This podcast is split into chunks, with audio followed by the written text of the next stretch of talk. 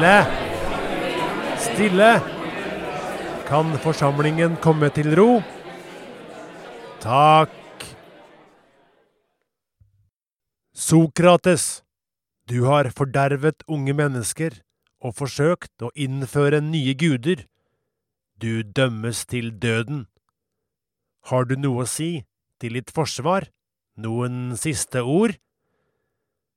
Noen siste ord? Jo, for en bra mann finnes det intet vondt, verken i liv eller død. Jeg innser tydelig at det nå er best for meg å dø, og slippe bort fra denne verden. Ja, det er på tide å gå herfra. Jeg for å dø, dere for å leve. Hvem av oss som går til det beste? Det er skjult for enhver, unntatt for gudene.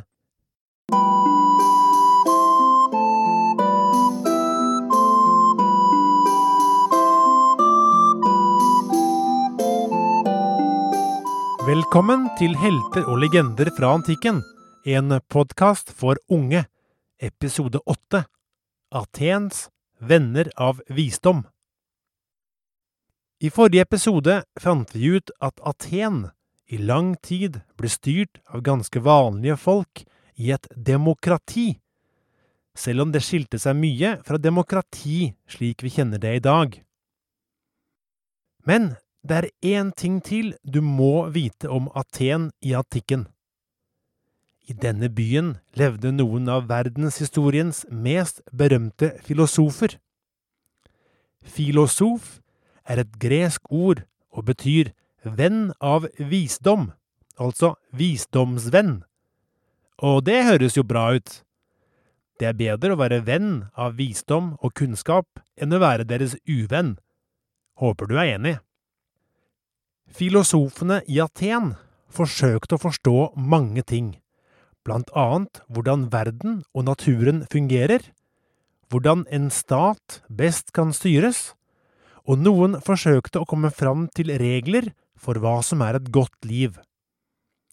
Dette er store og vanskelige spørsmål som menneskene har tenkt på gjennom alle tider. Mange av tankene og ideene til de greske filosofene som altså ble skrevet ned for omtrent 2400 år siden, anses for å være så kloke at de leses med stor interesse den dag i dag, i Norge og over hele verden. Greske filosofer er likevel et veldig stort tema, som sikkert fortjener en egen podkast, eller flere, så vi skal nøye oss med å snakke om to filosofer her. Sokrates og Platon. Begge disse sa og mente mye om mange temaer. I denne episoden vil du få en smakebit på noe av dette. Om Sokrates fortelles det at han var klok, men ikke særlig pen. Faktisk beskrives han som usedvanlig stygg. Han var en kar med kulemage, utstående øyne og oppstoppernese. Likevel, det er for sine tanker og ideer at han er mest kjent. Og noe av det Sokrates er aller mest kjent for, er at han mente at gale handlinger, ja, for eksempel at du behandler noen dårlig, egentlig skyldes uvitenhet. Så hvis du skaffer deg kunnskap om verden og andre mennesker, kan du bli flinkere til å handle riktig gjøre gode ting for andre, og da vil du også bli et lykkeligere menneske. Sokrates var kjent for å gå rundt i gatene og stille folk en masse spørsmål.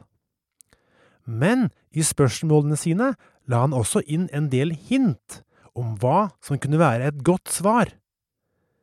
Slik forsøkte han å hjelpe andre til å få mer kunnskap. Selv om Sokrates var respektert av mange, var det også de som mislikte han. Veldig. Kanskje han ble oppfattet som en plagsom masekopp, der han alltid gikk rundt i gatene og spurte og gravde. Ettersom tiden gikk, ble han faktisk skikkelig upopulær. Til slutt ble han anklaget for å ha dårlig innflytelse på ungdommen og for å ville innføre nye guder. Og det var veldig alvorlige anklager. Han var dessuten ikke særlig glad i demokrati, men han mente at en stat helst burde styres av bare én person. Det hele endte tragisk for Sokrates. I år 399 før Kristus ledet anklagene til rettssak, og i den ble han dømt til døden. Dødsstraffen skulle gjennomføres ved at han skulle drikke et beger med gift. Da dødsdommen ble lest opp for han, holdt han en lang tale hvor han forsvarte seg selv og sine handlinger. Sokrates' forsvarstale er veldig berømt. Det du hørte i starten av episoden, er Sokrates' egne ord fra den talen. Hans siste stund ble tilbrakt sammen med gode venner og støttespillere, som var svært fortvilet da giften endelig begynte å virke, og filosofen åndet ut. En trist slutt for en av de mest kjente filosofene i verden. I årene etter Sokrates' død var det flere andre filosofer som gjorde seg bemerket i Aten, blant annet en som het Platon. Platon hadde tanker om mange kompliserte temaer.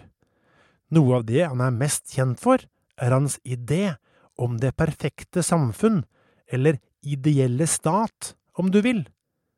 Ja, hvordan ville et slikt ideelt sted se ut, ifølge Platon?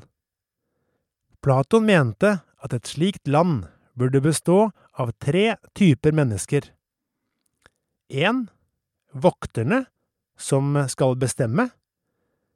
To, hjelperne, som skal sørge for lov og orden og forsvare landet.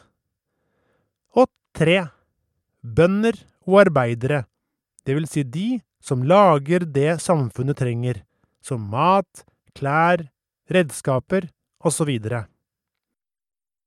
Når det gjaldt vokterne, mente Platon det var aller best om de var filosofer, akkurat som han selv.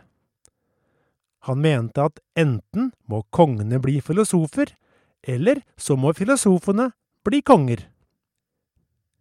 Ifølge Platons idealstat kunne ikke barn vokse opp hos sine egne foreldre.